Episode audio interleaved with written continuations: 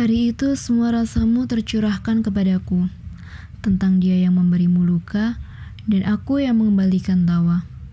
Kamu mengatakan tentangku apa-apa yang tak ada pada dirinya.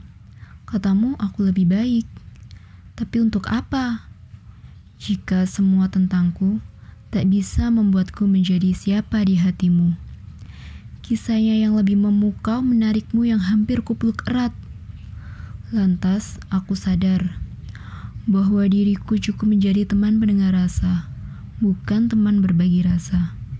Dan hadirku hanya untuk sekedar membenahi ruang hatimu, bukan untuk menjadi kisahmu.